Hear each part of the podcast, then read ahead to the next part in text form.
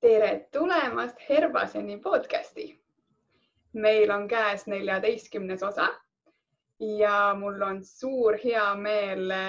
öelda tere Liis Jannele, kes on üks äh, väga huvitav joogaõpetaja. ja täna me siis räägimegi lähemalt tema joogateekonnast, mõttemaailmast ja kindlasti, kui sul on küsimusi ja sa praegu kuulad, siis äh, mul on telefon ka siin käes ma näen, mis sa kirjutad ja ma kindlasti ütlen selle edasi. ehk siis julgelt küsi. tere, Liis-Janne. tere, Mai. ja tere kõigile, kes kuulavad. täna on väga tore ilm, mõnus suvine ja sellest lähtuvalt võib-olla küsikski hoopis niimoodi alguses, et kas sa mäletad oma kõige esimest joogatundi hmm.? mäletan kindlasti ja see ei olnud üldse sellises kaunis äh, looduslikus atmosfääris, nagu mina täna siin olen, vaid äh, see oli hoopis sellises äh, valges ja igavas, natukene sellises lihtsamas MyFitnessi stuudioruumis tegelikult ja, ja aga sellegipoolest väga mõjuvõimas, et see ongi see, et taust ei ole oluline, vaid oluline on see, kuhu, kuhu sa lähed ja, ja kellega sa koos oled ja mida sa teed. väga õige, aga kuidas sa sinna jõudsid või, või kuidas on üldse sinu tee olnud, et kui sa olid näiteks väike tüdruk, kas sul oli kindlasti teada, mis sa tahad suurena teha või pigem sa katsetasid äh, erinevaid ameteid ja kuidas sa siis lõpuks joogani jõudsid? jah, selle, selle teekonnaga on nagu olnud äh, päris huvitav, et äh, et siin nüüd saab kahte erinevat äh, suunda võtta, et üks, üks suund või üks osa sinu küsimusest, et äh, kelleks äh, ma, kuidas ma nagu väiksena üldse olin ja mis ma tegin, onju, ja kelleks ma tahtsin saada, et siis eks niisugune salasoov on olnud hästi selline hoopis teisest valdkonnast, mida ma pole siiamaani võib-olla senise eluperioodil üldse puudutanud, on, on seotud hästi palju muusika, muusikaga ja, ja laulmisega ja naljakal kombel eh, ma ei ole siiamaani seda peatükki veel oma elus avanud, et eh, korraks sel aastal sain tõuke, et nüüd ma lähen, võtan, hakkan eh, õppima laulmist ja natukene seda poolt endas arendama. kuid siis teadagi, mis on ju, tuli vahele teatud Covid rikku ja, ja, ja plaanid muutusid ja noh, küllap elul ongi mingisugune oma, oma koht või oma suund, kuhu ta sind kogu aeg saadab. aga nüüd tagasi tulles, siis ma olin harilik äh, väike tüdruk, mulle meeldis hästi võimelda, ma käisin äh, rühmvõimlemises, meil oli väga kihvt seltskond seal. sealt ma sain oma elu parimad sõbrannad, mm, kes on mul tänaseni minuga koos. Ja ma arvan, et see ongi nagu olnud selline hästi suur teerajaja. ja see, et ma läbi keha kuidagi oma pingete ja energiatega töötasin, ma olengi aru saanud täna, et see juba toimuski siis ma lihtsalt ei osanud seda nagu kohe märgata või ei osanud seda kohe ära ühendada. et see teekond on olnud pigem jah, selline, selline füüsiline, et äh, mulle meeldib äh, liikuda, mulle meeldib äh, noh, ma ei saa öelda võimelda, vaid pigem ikka selles mõttes nagu heas mõttes äh, enda keha piiride sättimine või selline, et ma vaatan, mis siit tuleb ja kuidas on ja, ja kui on tuju paha, siis ma pean liikuma, siis ma pean minema kõndima või midagi tegema või jooksma või tantsima või midagi sellist nagu enda kehas energiat liikuma saama. et see teekond või see arusaamine oli minus juba päris nagu jah, huvitaval kombel olemas, see tarkus minu sees, väikeses minus. ja, ja siis siit veel edasi selle teise osa peale, et kuidas ma joogani jõudsin? joogani jõudsin ma, ma arvan, et joogani ikkagi viis mind see, kus ma, minu, minu laste kaudu, et kui ma ikkagi oma poja sain aastal kaks tuhat kaksteist, siis äh, tema oli see hästi selge nagu peegeldus mulle, et, äh, et kuidas olla parem ja kuidas olla tasakaalukam ja, ja kui su keha on läbi teinud sellise muutuse, kus sa kannad last enda sees ja, ja annad sellele lapsele elu, siis sa tegelikult hakkad ka neid asju natuke teistmoodi mõtestama, et, et ka sina ise oled oluline ja kui võimas su keha on, kui palju elu selles on ja kui palju sa saad seda edasi kanda. et me võtame seda ikka veel täna natukene selliselt, noh, eks see ongi looduse natuke nagu tavapärane osa, aga teistpidi jällegi, et kui võimas osa sellel on. ja, ja sageli on nii, et naised ise jäävad sealt hetkest nagu natukene tagaplaanile ja eks see ongi nagu ka jällegi see koht, kus sa annad rohkem ja seal on oma energiavahetus toimub. ja ma tajusin seda, et ma tundsin, et kui ma nüüd nagu midagi endaga ette ei võta, siis mul ei ole väga palju nagu anda, et ma olin nagu ikkagi tihti väsinud, et mulle on uni väga-väga oluline koht ma pean saama oma kaheksa pool tundi magada ja kusjuures kaheksa pool tundi, nüüd ma ei saa isegi nagu seitsmega hakkama. et äh, nii kui ma sealt kuskilt midagi võlgu jäin, siis ma, siis ma maksin selle eest nagu hinda, et ma olin, ma olingi väsinud ja ma ei jõudnud teha neid asju, mida ma ka endalt võib-olla tol hetkel ise küsisin, et tahes nagu olla see ema, kes päriselt on energiline ja jõuab oma lapsega kolm tundi jalutada, siis ta jõuab veel süüa teha, siis ta jõuab koristada, siis ta jõuab veel mingisuguseid sõbrannasega juttu ajada ja, ja, ja olla veel hea partner oma mehele ja olla, olla väga-väga hea igas valdkonnas, nagu me kõik endalt küsime, et siis ma saingi aru, et tegelikult ega see ei ole võimalik, kui sa oma ikkagi seda kulunud väljendit, et tassi täis ei hoia, et kui sa ei hoia, siis ei tule, kõik energiat ei ole. aga kuidas see motiveerimine sul enda jaoks oli, et minna sinna joogamatile, sest äh, kindlasti see alustamine ei ole ju nagu lihtne. sa pead võtma selle lapse kõrvalt selle aja, nüüd võtad ainult enda jaoks, mitte millelegi muule ei mõtle, onju. et kuidas sul see osa läks? no eks mul oli ikkagi siinkohal mängis, äh, kui vähegi võimalik, andis sellise väikse pausi mulle äh, tol hetkel kas minu enda mees, kes võttis lapse enda, enda hoole alla või siis, või siis ka ämm või keegi teine, kes sai aidata mul last hoida. ja tegelikult äh, see motivatsioon tekkis ruttu, sest et see tulemus oli äh, nii tugev. mul ei olnudki nagu tegelikult vaja ennast väga-väga palju motiveerida, pigem ma küsisin seda aega nagu enda jaoks juurde ja juurde ja juurde, et, et äh, minul ei olnud raske seda sammu teha pigem oli nagu raske seda päevakava sisse saada. minus endas oli nagu motivatsioon ja soov kindlasti olemas. aga kuidas siis äh, aja möödudes, kui sul on vist kolm last või? kaks, siiski veel. kaks, okei okay., siis äh, järgmise lapsega, kas oli lihtsam teha seda rutiini, et sul on oma aeg ja siis on lapse aeg või oli kuidagi hoopis teistmoodi? No selles mõttes teise lapsega ja teise lapse ootamise ja kõige selle eh, protsessiga uuesti olla seal sees oli hästi suur, hästi suur muutus ja hästi teistmoodi, et see oli hoopis värskendav. ja, ja eks see oligi nagu see koht, kus ma olin ise küpsenud, kus ma olin ise juba rohkem joogast ja joogamaailmast teadlik, jooga oli minu ellu täielikult, täielikult integreeritud. see oli äh, suur osa minu, minu, minu päevakavast ja, ja selles momendis, kui sul on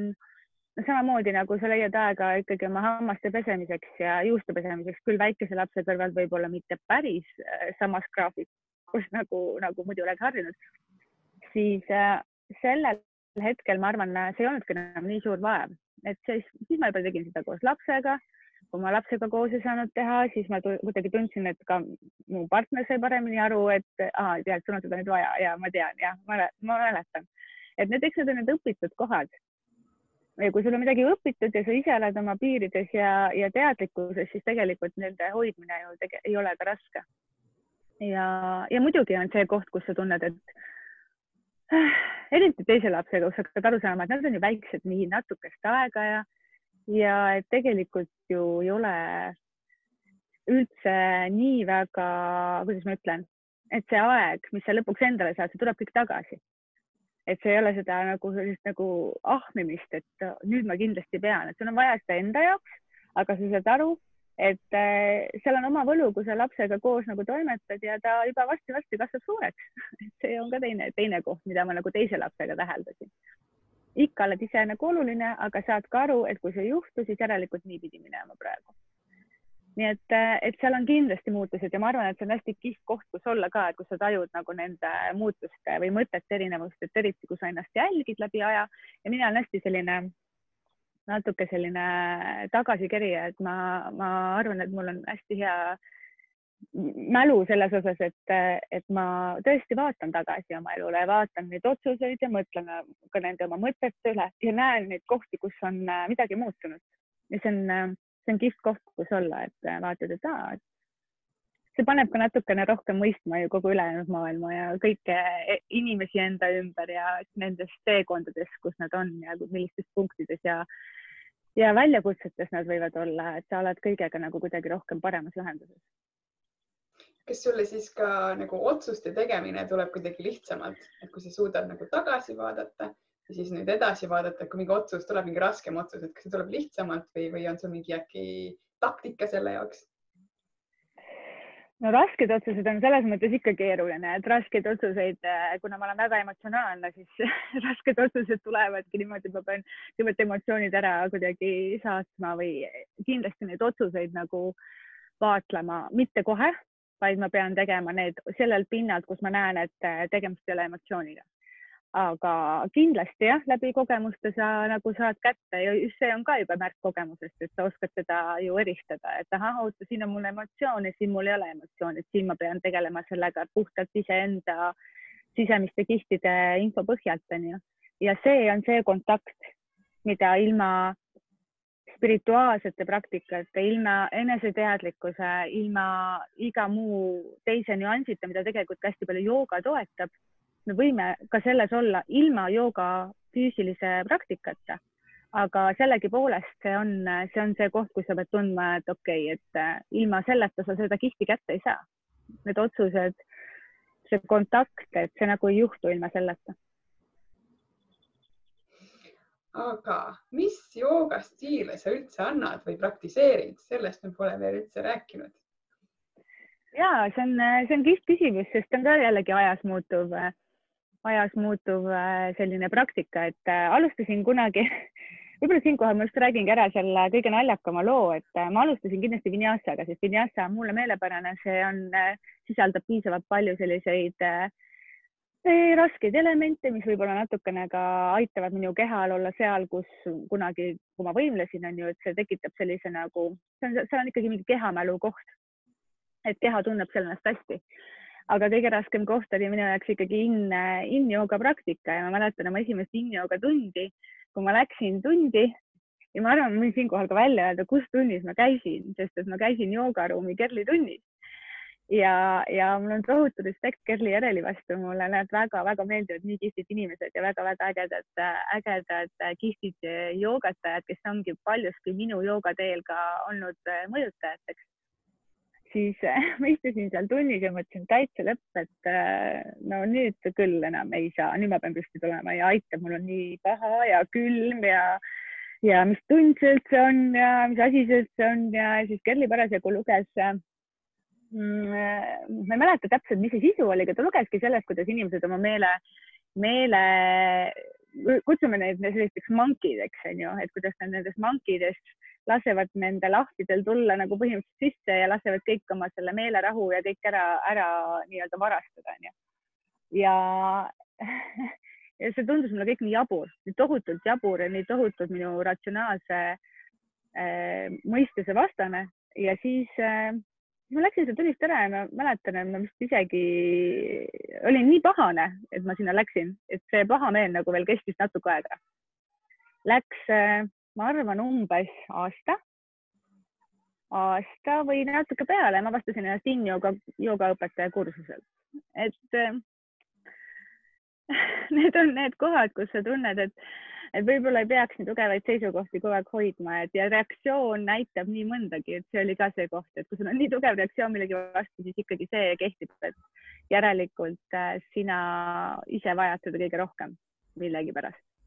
nii et äh, vastuseks sinu küsimusele ma õpetan täna vinyasa stiili, in, äh, in stiili ja ka power yoga stiili, mis on siis veelgi nagu sellisem füüsilisem ja, ja aitab tasakaalustada võib-olla sellist äh, vajadust minna rohkem jõusaali ja teha seal rohkem sellist natuke konkureerivat praktikat, kus sa vaatad peeglisse ja tõstad kange teistega võidu, et power yoga on minu jaoks olnud see koht, kus ma tunnen, ma saan kogu oma füüsilise,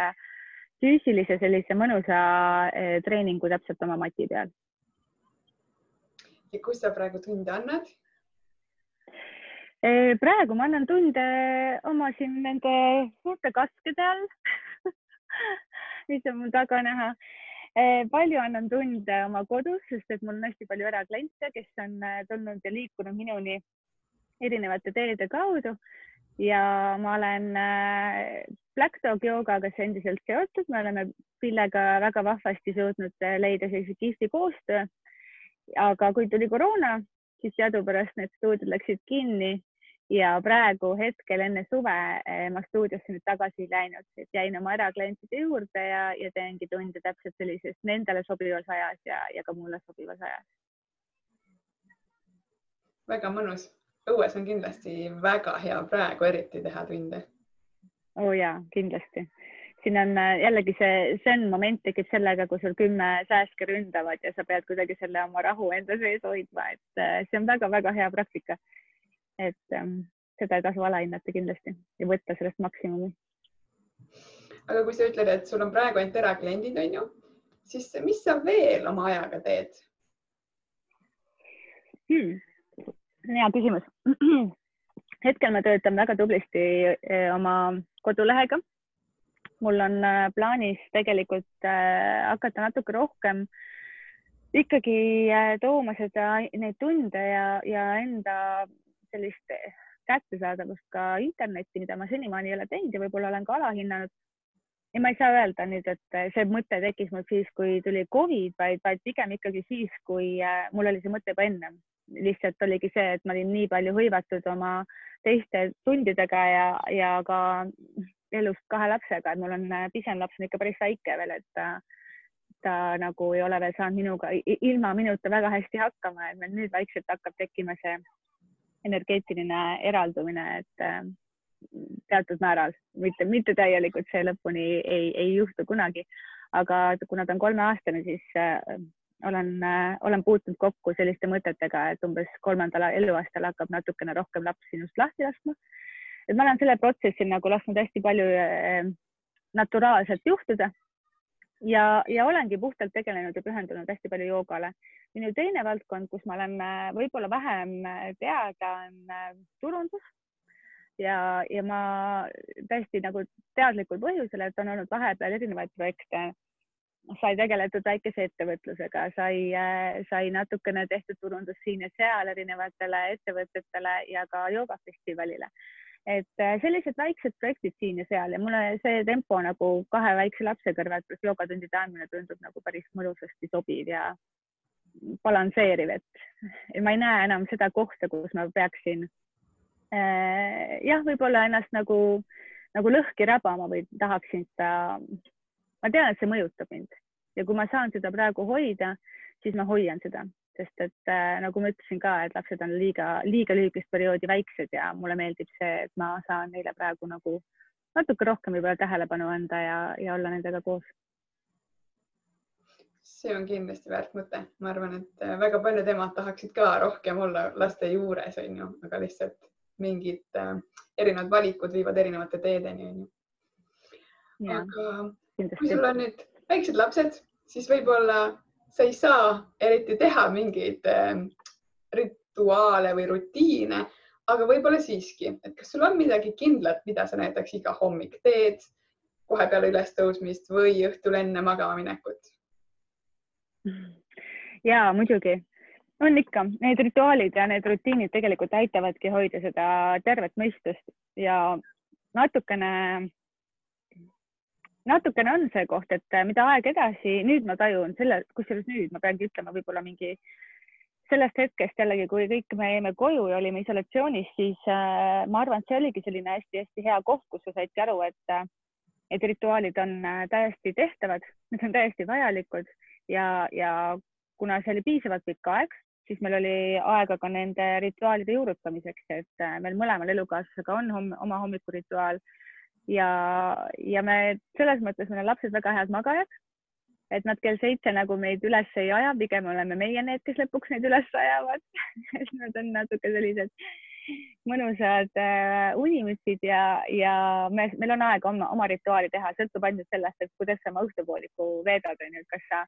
kui sa tahad näiteks mõnusasti õhtul raamatut veel lugeda ja vaatad, et kell tiksub natuke üle, siis, siis hommikul väga vara ei ärka. aga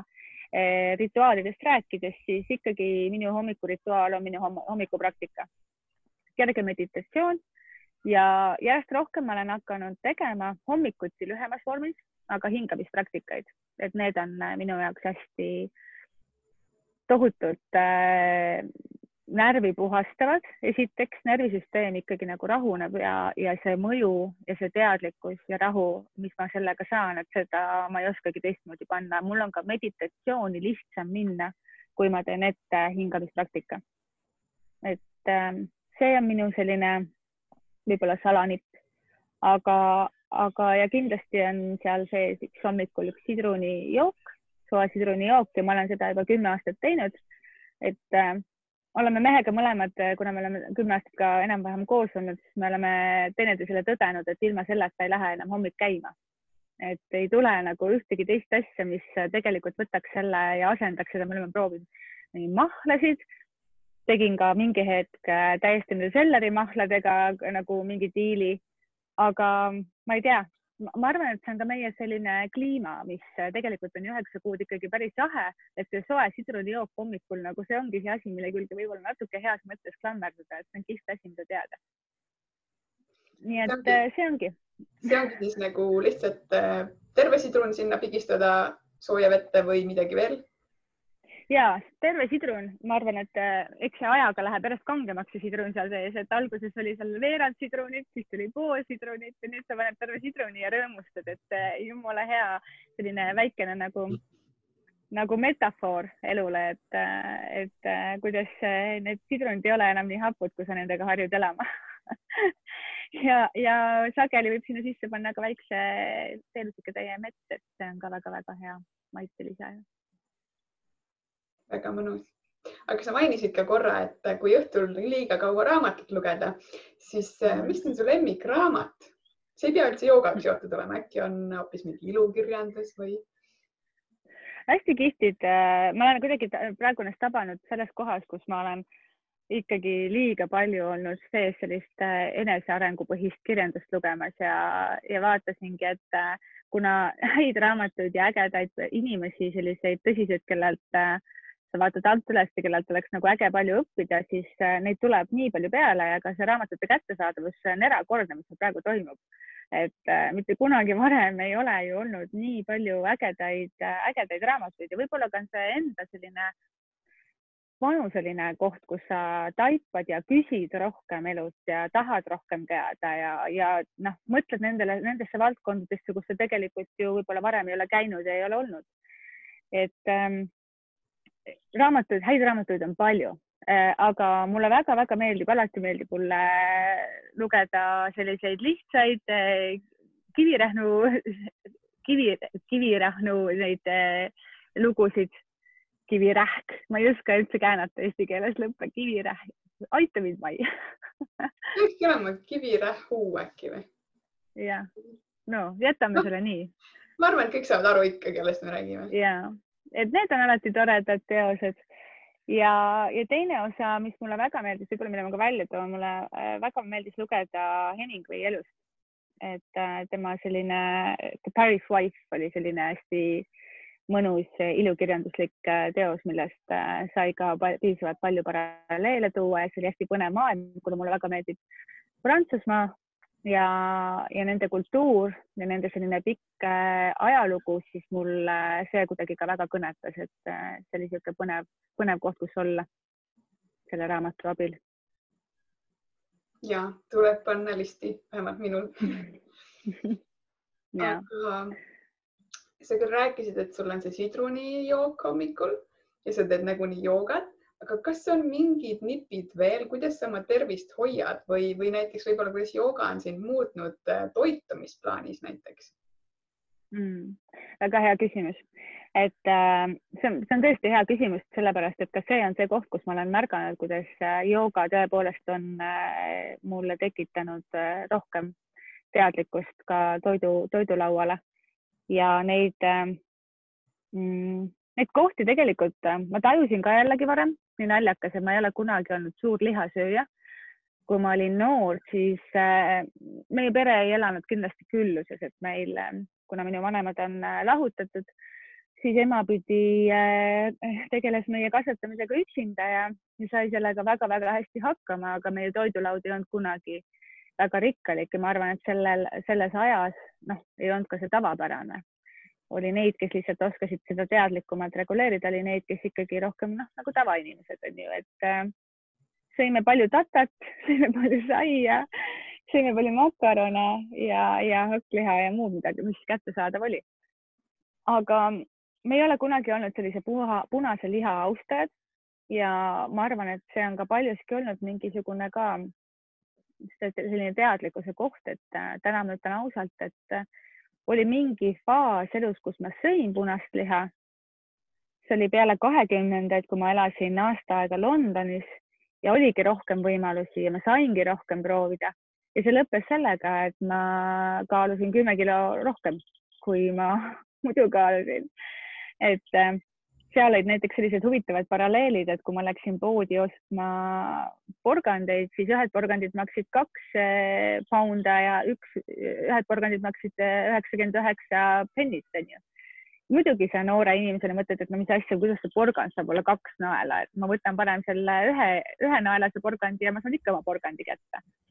et ma ei olnud teadlik ja ma ei olnud äh, sellesse süvenenud, et miks, millest see hinnaerinevus tegelikult ikkagi tuleb. ja noh, eks see maksis ka niimoodi kätte, et cheesecake'id siin ja seal tundusid täiesti kosmiliselt ebamaiselt eh, maitsvad asjad, rohkem liha, pitsat, kõike, kõike, kõike, nii et see lõppes päris, päris halvasti, aga, aga see oli hea koht nagu jällegi tagasivaatamiseks, et äh, ma ei ole kunagi varem äh, seda niimoodi enda, sellist kaalutõusu, välja arvatud, kui ma olen oodanud oma lapsi, ma ei ole rohkem täheldanud. ja ja selle toidu osas järjest rohkem ja rohkem mul hakkaski kohale jõudma, et ega mulle ei sobigi selline liigne suhkur, mulle ei sobi äh, punane liha. ma söön koguseliselt äh, üsna vähe, sellepärast et ma tunnengi seda, et mul kaob kontakt äh, oma kehaga ära ja see on nii naljakas asi, et nii kui ma tunnen seda, et ma pean hakkama tegelema sellega, et mul on kõht liiga täis, siis mu meel on nii palju kuidagi eemal sellest enda keskmest et äh, pluss sinna juurde tegelikult selline energia vähenemine, võib-olla ka kerge selline uimasus, kõik need asjad, mis põhjustab tegelikult ju toit äh, meie kehas, kui sa seda kuidagi valesti tarbid. ja see ongi see koht olnud, kus ma olen joogaga ikkagi väga palju seda reguleerinud, et äh, ma lihtsalt ei tee seda, ma lihtsalt ei tee ja ma tajun neid piire ja ma näen, et äh, väga palju asju on proovitud, kui ma tahan maitsta midagi ja tahan testida, ma ei hoia ennast kunagi tagasi kui ma lähen teise kultuuri, me, me reisime perega üsna palju, siis, siis ma kunagi ei hoianud ennast tagasi, et see on nüüd see koht, kuhu ma nagu seda ma ei maitse, aga ma ütlen ausalt, ma kunagi punast võib-olla steiki endale, punase liha steiki endale võib-olla taldrikule ei telli. et ähm, need on need, need on need äratundmised ja ma arvan, et äh,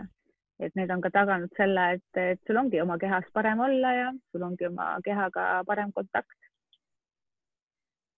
aga kui sul juba on kehaga parem kontakt, siis kuidas, noh, seda kutsutakse erinevalt, sisetunne või südamehääl, kuidas see sind juhib, kas sul on alati selge vastus sinu enda poolt, kui sa midagi teed, valid, oled või sa ikkagi pead vahepeal äh, mõttega ikkagi otsuseid vastu võtma või valikuid tegema? ka hea küsimus jällegi väga hea küsimus. see kiired otsused, igapäevased otsused tulevad kindlasti nagu läbi ratsionaalse meele ja üsna, üsna niimoodi äkiliselt, kõik muud sügavamad otsused. ka näiteks äh, sellised meelelised kõikumised, kus sa tunned, et äh, midagi on paigast ära ja meil kõigil on neid hetki, kus midagi on paigast ära ja meil kõigil on neid kohti, kus me tunneme, et äh, et nüüd ma küll enam ei tea, nüüd mul on küll mõistus otsas. minu väga-väga hea peegeldaja alati, kellele ma saan enda nagu täiesti nii-öelda ennast paljaks võtta, minu õde, kellega me hästi palju jagame ja kuigi ta elab Tartus, siis me väga palju omavahel ikkagi räägime läbi telefoni ja muidugi minu, minu elukaaslane, et äh, mida aeg edasi, seda rohkem me tajume seda, et äh, me tajume teineteise energiaid väga-väga hästi. Ja noh, tema näeb ära, kui minul on midagi valesti, mina näen ära, kui temal on midagi valesti, et eks see on selline teineteise, teineteise toetamine ja õlg õla kõrval kasvamine, et ja sellegipoolest ma näen, et ükskõik kui palju ma ennast väljapoole nagu kuidagi verbaalselt ei seleta ja, ja ei räägi, seda rohkem ma näen, et tegelikult need otsused ja need vastused on nagunii ikkagi minu sees, ma lihtsalt ei tunne neid veel ära ja nä ei näe neid kohti. ja minu, minu võib-olla nipp on see, et mille on ka mulle võib-olla elu õpetanud, et mitte ükski otsus tegelikult äh, ei pea ajaliselt olema otsustatud. et see ei ole see, et ma nüüd pean selle homseks otsustama, sest et äh, see on nüüd on nii, keegi ütles nii et natuke on ikkagi see, et sul on alati see koht, kus sul see vastus tuleb ja see ei juhtu võib-olla homme ja see juhtub võib-olla ülehomme või, või järgmisel nädalal mingil päeval või mõne kuu pärast mingites, mingites teemades. ja, ja kõik need vastused tegelikult äh, ja kõik need vastused tegelikult sinu sees nagu äh, tulevad välja lihtsalt sa ei tohi lasta meelel nagu vahele tulla. ja see on sama lugu ka inspiratsiooniga, see on sama lugu ka näiteks hästi palju joogatundidega ja see on sama lugu on ka kõige muuga, kuidas me elus valime, et ma tean, on äh, minu elus hästi palju pragmaatilisi äh, selliseid äh, karjeriste väga,, väga-väga armsad ja toredad inimesed. alati naudin nendega koos olemist, aga nende lähenemine elule on hoopis teine ja sageli tekibki see tunne, et, et kuidas te saate seda teha, et kuidas te saate nii nagu teravalt ja äkiliselt edasi liikuda, et võib-olla noh, on neid kohti, kus saab elus ja on neid kohti, kus ei saa. mina näiteks tunnen, et mina sageli vajan aega, et natuke neid asju teha rahulikumas tempos. ja ma ei usu, et ma olen endast nagu, et ma kuidagi ajaga siin võidu jookseks, ma ei näe, et ma kusagil midagi, millestki maha jääks ma tunnen, et äh, vastupidi, et need otsused on paremini kuidagi kaalutletud, ma tunnen, et otsused on paremini lihvitud ja rohkem minu, minu südamehäälega kooskõlas. ja siis ma tunnen ka enda sees vähem frustratsiooni. ma olen vähem rahulolematu, ma olen äh, kõiges nagu rohkem ise, et see on, see on ka äge koht, kus olla. See on nii suur äratundmine mulle ka, et ollagi rohkem ise, onju, sa teedki rahulikumalt asjad tulevadki rahulikumalt, ei torma kuskile, onju. aga loomulikult mitte, et lihtsalt istud käed rüpes, aga, aga lihtsalt, et sa võtad selle aja ja ei, see on väga hea ka tähelepanu, ma ütlengi, mulle tundub, et, et sageli, kui selle, seda jagada, siis see, nagu see mõte tekib kohe, et aga noh, kaua sa siis unistad või et nagu, mis sa siis nagu ootad või niimoodi onju. et see ei ole see, sa ei kaota seda teravust ära, vaid see, see ei tähenda nagu kõikides valdkondades alati seda, et sa jääd seda sisetunnet ootama, need on ju teatud teemad ainult, mis vajavad sisetundega lähenemist see, mis piima me ostame või kas me homme kuhugi hakkame minema, noh, see, see ei ole teema, kus ma ootan sisetunde vastust, et see ei ole ju koht, onju. et ähm, et jah, see on selline lahterdamise koht ja, ja ma arvan, et see on ka see, et need, kes teavad, need teavad, need saavad aru, kus sa seda sisetunnet rakendad ja kus sa ei pea rakendama ja see ei tähenda, et sa oled vähem terav või sa ei vähe, vähem teed elus või vastupidi, et täna olles selles kohas, kus ma olen, ma noh, ei tee otseselt nüüd äh, palgatööd, aga minu töö täna on palju suurem, kui ma olen kunagi varem elus teinud. ja see, mis, mis tundega ma ise nagu sellesse kõigesse suhtun, see on hoopis teistmoodi. jällegi väga hea peegeldus on see, et äh, kui äh, Covid sellise vaikuse tekitas, siis ühtpidi oli see väga-väga, see oli väga kihvt, mulle väga-väga meeldib oma perega koos olla. Ja meil oli noh, ma tean, et, et ikkagi nagu pinge, pingelist, pingelisi hetki oli ka, et ega elust välja ei lõika ja ma ei ütle, et alati on kõik nagu väga hästi ja lilleline, vaid, vaid äh, see on ikkagi selline jällegi see teadlikkuse koht, kus sa tunned, et, äh, et kõik on millegi jaoks vajalik. ja ka see paus oli vajalik, et aru saada, kui palju ma ise tegelikult saan energiat sellest, kui mina annan joogatunde, kui ma täidan oma Instagrami lehte, sest et ma teen seda väga-väga läbi, läbi oma energiate ehk läbi autentsel viisil, ma proovin seda hoida sellisena, ma ei läheks lõksu, ma ei hakka midagi müüma, ma ei taha sinna vahele mingisuguseid eh, trikke panna, aga ma näen, et eh, ma tahan mõjutada inimesi ja ma tahan neid panna mõtlema ja samamoodi nagu kui ma teen oma joogatundidega, et see kontakt, mis nad saavad, see on väga-väga hea. toon ühe hea eh, veel sellise ägeda intsidendi võib-olla siia vahele, mis näitab väga hästi jooga mõju ja ja ma loodan, et, et äh, minu hea tuttav ei pahanda, kui ma selle välja räägin, et äh, kui tema tuli aasta aega tagasi mulle esimest korda joogatundi, tegime eratunni ja ta käis enne seda äh, noh, tunnike, ma arvan, ennem ühes mõnusas Tallinna kohvikus, kus pakutakse väga maitsvaid Pavlova kooke. ta sõi selle Pavlova koogi, jõi peale ühe klaasi veini ja mõtlesin, et noh, ma lähen nüüd sinna joogatundi ka, et noh, tunni aja pärast umbes ma lähen ja, ja nii edasi. Ja ta tuli mulle tundi ja tal oli, äh, tal oli seal tunnist nii paha, tal oli reaalselt süda nii paha et ta oli hädas iseendaga ja selles mõttes, et see on see koht, kus sa hakkadki oma läbi jooga oma keha paremini tundma, nagu me enne rääkisime ka. ja kus sa hakkad aru saama, et mida sa vajad ja mida sa ei vaja ja ta ütles, et mul tekkis nagu tõsine respekt selle jooga vastu. Et mis asi see jooga nüüd on, et ma nagu noh, tund aega on nagu piisav aeg, öeldakse, et saad nagu jagu sellest, et ma olen varem nagu käinud trennides, mul ei hakka niimoodi paha, aga et suur mõju kehale on tegelikult jooga aastanate praktika et see on, äh, see oligi nagu selline tema jaoks aukart, aukartust äratav ja sellest ajast saadik ta käib mul äh, kogu aeg tunnis ja ta ütleb, et see on lihtsalt äh, noh, super.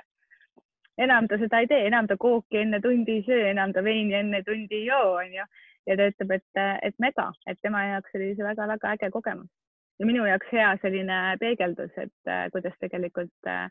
me alahindame võib-olla ka natuke sellist enda, enda seda sisetunnet või sellist sellist kohta, kus meile näidatakse väga teravalt, et mis on õige ja mis on vale. ja keha kuulamine ja keha kuulamine kindlasti. aga millest sa unistad? tead, see kõlab nii klišeelt, onju, see unistuste teema. tead, mis ma päriselt, ma päriselt unistan sellest, et äh, inimestel tekiks suurem teadlikkus. Sest et äh, vaadates seda kõike, mis meie ümber toimub ja ma arvan, et alati peab olema, need kontrastid peavad olema, need innid ja yangid peavad olema paigas. Ehk ähm, meil peab olema see koht, kus me kaome vahepeal ära, et me saaksime ennast uuesti äratada ja nagu ütleb ka kurikuulus äh, tuntud selline lause, et äh, ega õpetaja ilmub siis, kui õpilane on valmis. ja see teadlikkuse koht on äh, üks väga äge koht, kus ma arvan, et me kõik inimesed oleksime palju rohkem rahul oma eluga. mulle, ma mõistan hästi meie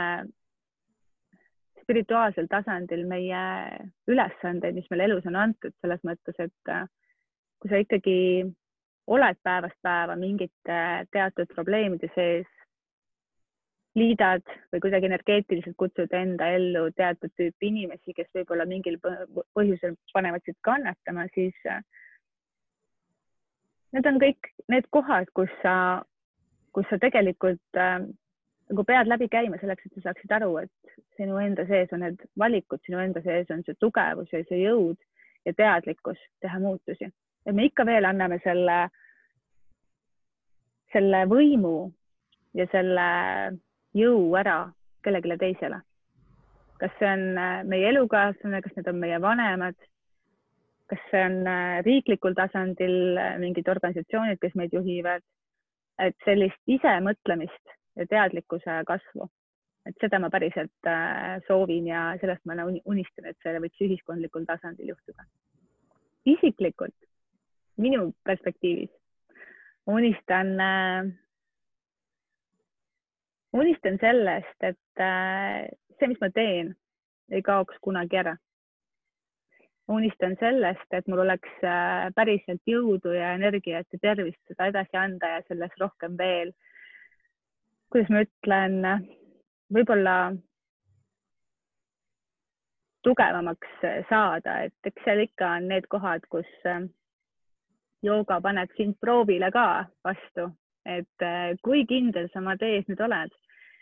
Alustasin äh, kaks tuhat viisteist aastal äh, City Yoga tunnis või City Yoga stuudios äh, oma tundidega. Ja alustav stuudio, alustav õpi, õpetaja ja hommikused tunnid kell üheksa, mis ei ole Eestis üldse lihtne. ja tihti, ma ütleks võib-olla isegi äkki mitu-mitu-mitu kuud olid tunnid tühjad. see oli mulle väga-väga raske. see oli see koht, kus ma tundsin, et ma ei ole kindel, et ma olen õige koha peal, sest mina ju panen oma energia, ma valmistun, ma tulen sinna tundi ja mul ei ole seda edasi anda ja see oli nagu sein sinu ees. ehk siis, kui ma täna ütlen, et mulle annab energiat see, kui ma saan tundi anda, edasi anda ja ma näen seda mõju, kuidas inimesed muutuvad ja ma ise tunnen, et ma kasvan läbi selle, siis see oli see koht, kus ma pidin mitu korda üle selle, ütleme nii, sileda seina ronima, et ma saaksin siia, kus ma täna olen. et mitte alla anda, võib-olla see on minu enda selline koht. ja, ja ma arvan, et äh, need unistused on hästi palju ka ajas muutuvad, eks me erinevatel ajahetkedel unistame erinevatest asjadest ja jällegi hästi palju võib-olla enda märkamist ka, et mis siis parasjagu elus selline tähtis on ja, ja kus see fookuspunkt on. nüüd siia lõppu ma küsin oma lemmikküsimuse no.. kui me nüüd võtame ära kõik tiitlid, mis sul iganes on, kõik ametid, mis siis järgi jääb? kes sa oled? issand, issand, äge küsimus. Ma olen nii palju nende tiitlite asjade peale mõelnud ja see on nii kihvt küsimus, sest et ma arvan, et inimkond üleüldse olekski palju ägedam, kui meil ei oleks tiitleid ja kes minust järgi jääks? ma et selline üsna sellise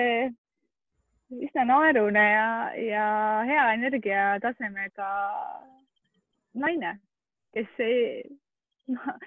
ma arvan, et kui, ma nüüd ütleks edasi siit, siis ma arvan, et mul oleks lihtsalt eesmärk äh, olla, olla kuidagi teiste jaoks oluline või vajalik või see act of service, see on inglise keeles vaata see lause, mis on väga hästi, et äh, sa tunned, et äh, sind kuidagi, sa saad kuidagi panustada ja sind on vaja, et see on need kohad, kus ma tunnen, et see võiks minust alles jääda, et ma olen kellegi jaoks vajalik. ükskõik, kas mul on tiitleid või mitte tiitleid väga hästi öeldud. aga nüüd, äh, kuna vestlus oli põnev ja küsimusi praegu ei tulnud, siis äh, kui nüüd keegi kuulab järgi, kas siis nüüd Facebookis või Spotify's ja tal on küsimus, kuidas ta saaks kõige paremini sinuga kontakti? Eh, ma arvan ikkagi otse, praegusel juhul on ju sotsiaalmeediakanalid need, mis väga hästi toimivad, et äh, mind leiab äh, Instagramis ja Facebookis Cinnamon Yogal, muidugi võib alati minuga otse kontakteeruda Liisi-Anne, Liisi-Anne Kruusmägi nime alt, et kirjutada mulle otse ja, ja alati kõik igasugused mõtted ja ideed, kellel äh, midagi põnevat ärgatas, et ma arvan, et Eestis on üleüldse natuke sellist äh, Äh, kokkuhoidmist rohkem vaja ka tegevusalade põhiselt, et sellist community, community tekitamist, et selles mõttes ma ise, mida sa teed, on hästi-hästi tänuväärne. et selliste joogaõpetajate natuke ka kokkuviimine, et me ei ole kõik individualistid, et olgugi, et me teeme kõik oma asju natuke erineval moel, siis meil kõigil on üks, üks eriala, et et see on kihvt koht, kus võib-olla peaks nagu rohkem jõudusid ühendada, et kui kellelgi tekkis häid ideid ja mõtteid, kuidas äh, ka koostööd teha, siis muidugi alati Liisi-Anne ja Cinnamoni, Cinnamoni kaudu. väga äge ja community't rohkem. Community't rohkem aga mina südamest tänan, see vestlus oli nii tore ja jällegi silmi avav, onju. loomulikult on sul veel palju-palju rääkida, aga vähemalt killukese sinust me saime täna siin ekraani vahendusel. ja, ja ma tänan sind, kuulaja, et sa võtsid selle aja, ma loodan, et sa said siit enda jaoks midagi olulist, mina kindlasti sain. ja, ja nagu öeldud, sa võid küsida, sa võid video alla küsida, sa võid otse kirjutada või võid ka lihtsalt järgi kuulata